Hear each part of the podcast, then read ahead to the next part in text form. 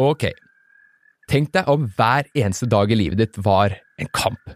Du står opp, og så strekker du på stive og støle ledd før du karrer deg av gårde for å finne deg en liten matbit. Og på vei til kjøkkenet så tenker du på hva du skal spise i dag, og ikke minst hvordan i alle dager skal du få tak i maten din. Men ikke bare skal du finne ut hva du skal spise eller hvordan du skal få tak i det, på vei til matfatet så må du også passe deg for en hel haug av farer som ligger på lur. Det er uhell, det kan være giftige planter du kan stikke deg på, og et helt lass av dyr som aller helst vil spise deg. Og det er hverdagen i regnskogen. Det spiller ikke så stor rolle hvilket dyr eller plante du egentlig er. Bor du ute i regnskogen under de eviggrønne trekronene, så er dagen din mer eller mindre sånn. Mitt navn er Joe. Velkommen inn i regnskogen. Er du klar for å delta i tidenes konkurranse med livet som innsats?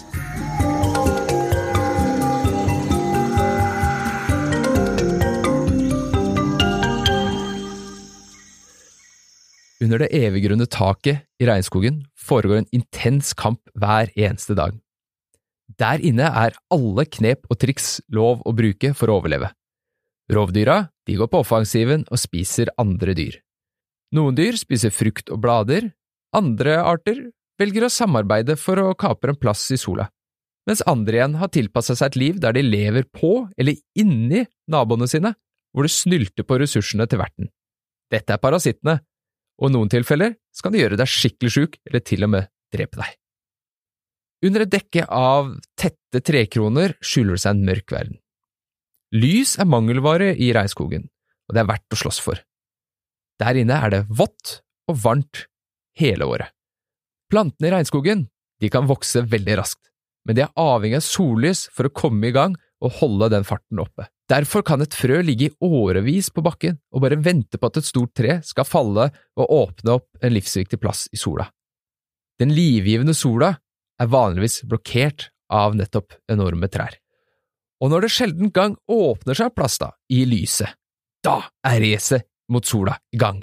Det frøet som kommer raskest i gang med å spire, og klarer å utkonkurrere alle de andre i kampen om solstrålene, vinner, mens resten er dømt til et liv i skyggene. Ja, helt til et nytt tre faller og racet starter helt på nytt. Om det heldige frøet får spire til sitt fulle potensial, så kan det bli medlem av en veldig eksklusiv klubb oppe blant trekronene.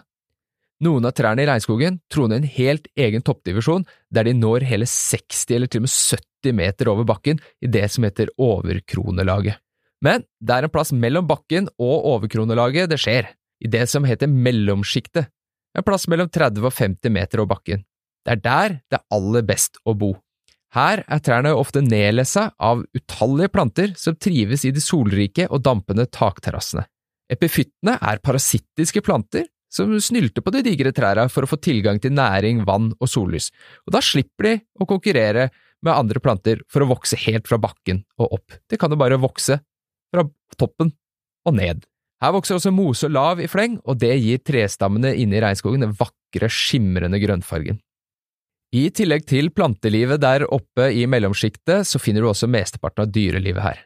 Fugler, apekatter, dovendyr, de lever ikke bare godt av søte frukter og saftige blader, de finner også trygghet i å kamuflere seg oppe blant greinene og løvet i de store trærne.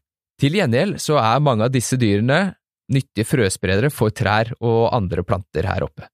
Så når en fugl spiser en deilig frukt, så får den i seg noen frø, og så flyr den til neste tre, hvor den bæsjer litt, og så forsvinner altså dette lille frøet ut av fuglen med en liten næringspakke i bæsjen, og kan det ligge på bakken og vente på at solen skal nå ned, og dermed så starter det hele på nytt. I kampen om sollys og næringsstoffer har artene som bor i regnskogen utvikla snedige, ofte veldig overraskende mekanismer for å overleve.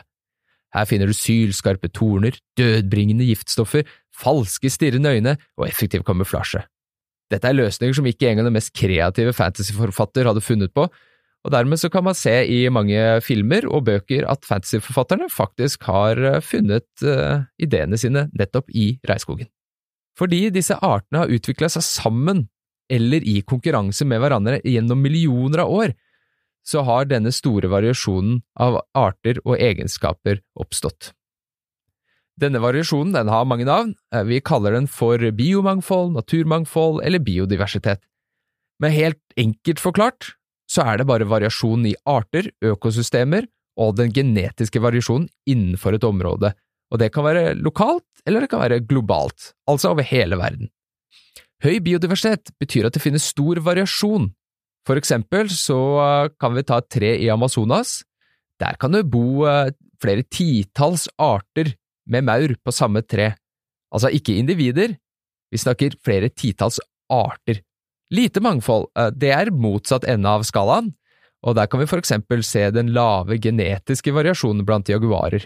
Det har oppstått eh, fordi vi mennesker har eh, drevet aktiviteter som hogst og jakt og utbygging, og det har redusert antallet jaguarer gjennom mange tiår. Så når to jaguarer møtes i skogen for å pare seg, så kan det være at de er fetter og kusine, for eksempel, og det fører til det som heter innavl.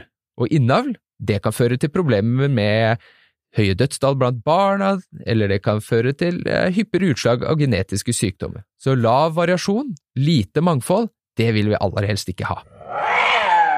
Så da vet vi at mangfoldet er stort i regnskogen. Det finnes mange forskjellige habitater eller leveområder for dyr og planter, og det finnes enda større variasjon blant dyre- og planteartene som lever i disse habitatene. Men hvorfor er det så stort mangfold i regnskogen? Hvorfor finnes det så mange arter der ute under det grønne taket? Plasseringen i den tropiske regionen på planeten vår er ett av svara. Tropisk regnskog ligger innenfor et område langs ekvator på planeten der klimaet er ganske stabilt. Det betyr at det ikke eksisterer de store sesongvariasjonene i tropisk regnskog som det gjør her i nord. På vinteren i Norge så settes jo naturen på vent. Sola ligger lavt eller forsvinner til og med helt, og det betyr at det er mindre solstråling, som igjen betyr mindre energi til plantene som trenger sollys for å vokse. Det blir kaldt og mørkt, vann fryser, og planter kan ikke drive fotosyntese. Dyr som er avhengig av å spise planter, får mindre tilgang til mat, snøen gjør det tungt å bevege seg, og kulda gjør at dyra må enten bruke masse energi på å varme opp kroppen sin, eller finne andre måter å spare energien sin på, sånn som brunbjørner for eksempel som går i hi på vinteren. I regnskogen derimot settes ikke livet på pause, der kan planter vokse og dyr spise mat hele året rundt. Det er jevnt rundt 20 varmegrader, og det er høy luftfuktighet, det er perfekte forhold for plantevekst, som legger grunnlaget for resten av livet i regnskogen. Det er ikke bare den evige varmen som legger til rette for at millioner av arter skal trives i regnskogene. På grunn av plasseringen og regnskogens alder finnes tusenvis, om ikke millioner, av habitater artene kan velge å bo i. Fra store og komplekse jungelområder til slettelandskap til huler under røttene på regnskogstrærne. Selv tretoppene er hjem for planter og dyr i regnskogen. Det har gjort at noen arter har kunnet spesialisere seg på livet som fruktspiser oppe i trekronen. Noen eh, har spesialisert seg på å vandre i skyggen av trærne på bakken, mens andre er enda særere og lever under ett spesielt tre med røtter ned i elvebunnen. Under røttene nede i vannet finnes dyr som har utvikla helt unike egenskaper som gjør det perfekt til å leve akkurat der. Der er de trygge for fisk, for slanger, fugler og parasitter. Allikevel er de ikke helt trygge. Det finnes stort sett alltid en eller annen luring som har spesialisert seg på å spise akkurat denne arten. Her er det om å gjøre hele tiden ligge ett steg foran den som har lyst til å spise deg. Sammen med evolusjon danner kompleksiteten i leveområder og den nærmest evigvarende vekstsesongen grunnlaget for spesialisering og variasjon. Hovedårsaken til den store variasjonen av planter og dyr er likevel prosessen evolusjon. Evolusjon er nok et kjent ord for mange, men kan være litt vanskelig å forstå, så her kommer en superrask introduksjon. Evolusjon det er prosessen der arter over flere generasjoner tilpasser seg et økosystem og dermed endrer seg i takt med omgivelsene. Og det kaller vi naturlig seleksjon. Evolusjon og prosessene som styrer evolusjon, fører nemlig til at individer som er best tilpassa til å overleve akkurat der den lever, vil ha størst sjanse til å overleve og lage barn. Og når man lager barn, så får man videreført genene sine, og det er arvemateriale, og dermed så får man overført egenskapene som har gjort at foreldrene til de beste overleverne. Altså, det er ikke det sterkestes rett, men den som er best tilpassa. Så ved hjelp av lang vekstsesong, høy energiomsetning og planteproduksjon og et mylder av habitater har evolusjonen kunnet forme livet i regnskogen over millioner av år til det økosystemet som vi kjenner i dag, urgammelt og unikt. Ok, så om ikke det var nok, og du trenger enda en grunn til å bevare regnskog, så kan jeg melde om at jeg fremdeles ikke vet mer om en brøkdel av hva regnskogen har å by på. For om ikke verdien av intakt regnskog og biomangfold var nok i seg sjøl, så synes jeg det er fantastisk at regnskogene fremdeles bidrar til spenning i hverdagen. Å, hva mener du med det, Joe? Jo, for selv etter flere århundrer med oppdagelsesreisende og vitenskapelige undersøkelser, så byr regnskogene fremdeles på mysterier og nye oppdagelser. Et eksempel kommer fra øya Ny-Guinea i Oseania, Oceania. Det er en eh, plass langt ute i havet, litt sånn øst for Australia og Indonesia. Der oppdager forskerne stadig nye arter. Bare siste åra så har de eh, beskrevet over 1000 nye arter. Blant annet så har de oppdaga 100 orkideer, 134 amfibier, sånn frosker og padder og salamandere og sånn, 71 ulike fisker, til og med en over to meter lang elvehai, og den skulle man jo egentlig ikke tro klarte å gjemme seg så godt, da, og tolv pattedyr. Det at man stadig eh, finner nye arter, det er jo et helt klart signal på at det finnes et stort og uoppdaga biologisk mangfold i verdens regnskoger.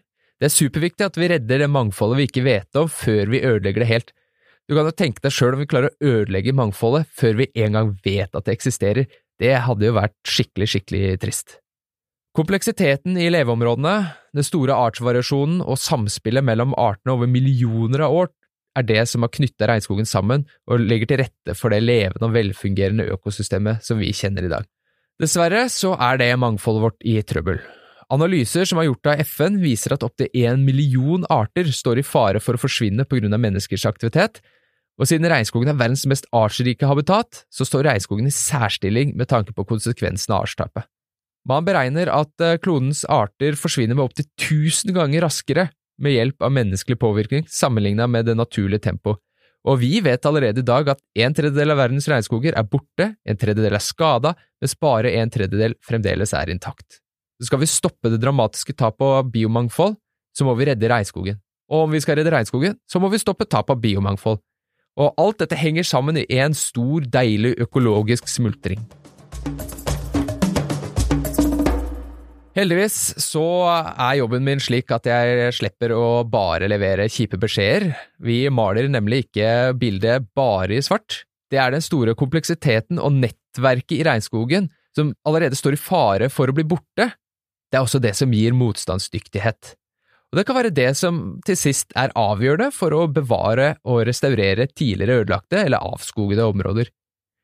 Og med økt fokus på naturbevaring blant eh, folk flest og verdensledere, så har håpet aldri vært større for at vi skal kunne klare å redde regnskogen. Ikke minst er presset fra publikum og den etterlengta anerkjennelse at urfolk er de beste til å passe på naturen, en kjemperessurs i fremtidens bevaringsarbeid. Så om vi ønsker å ta vare på menneskeheten, oss selv, vennene våre og familien vår, så lønner det seg også å ta godt vare på regnskogen, så vi kan nyte godt av alle gratistjenesten den har å tilby i fremtiden også. I neste episode av Regnskogpodden forklarer skal vi snakke mer om de som bor i regnskogen og forsvarer den.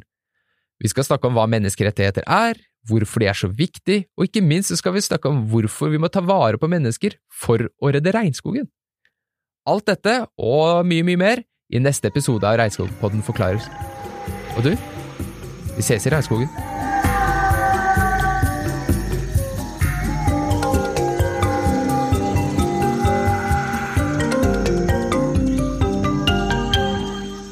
Har nettopp hørt på Regnskogpodden, en podkast produsert av Regnskogfondet med støtte fra Norad. Ønsker du å lære litt mer om hva Regnskogfondet egentlig driver med, så kan du finne masse informasjon om det inne på www.regnskog.no, på Instagram-kontoen vår Regnskogfondet og på Facebook.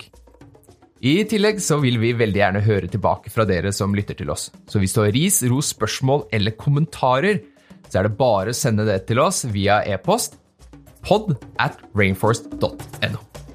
Vi høres!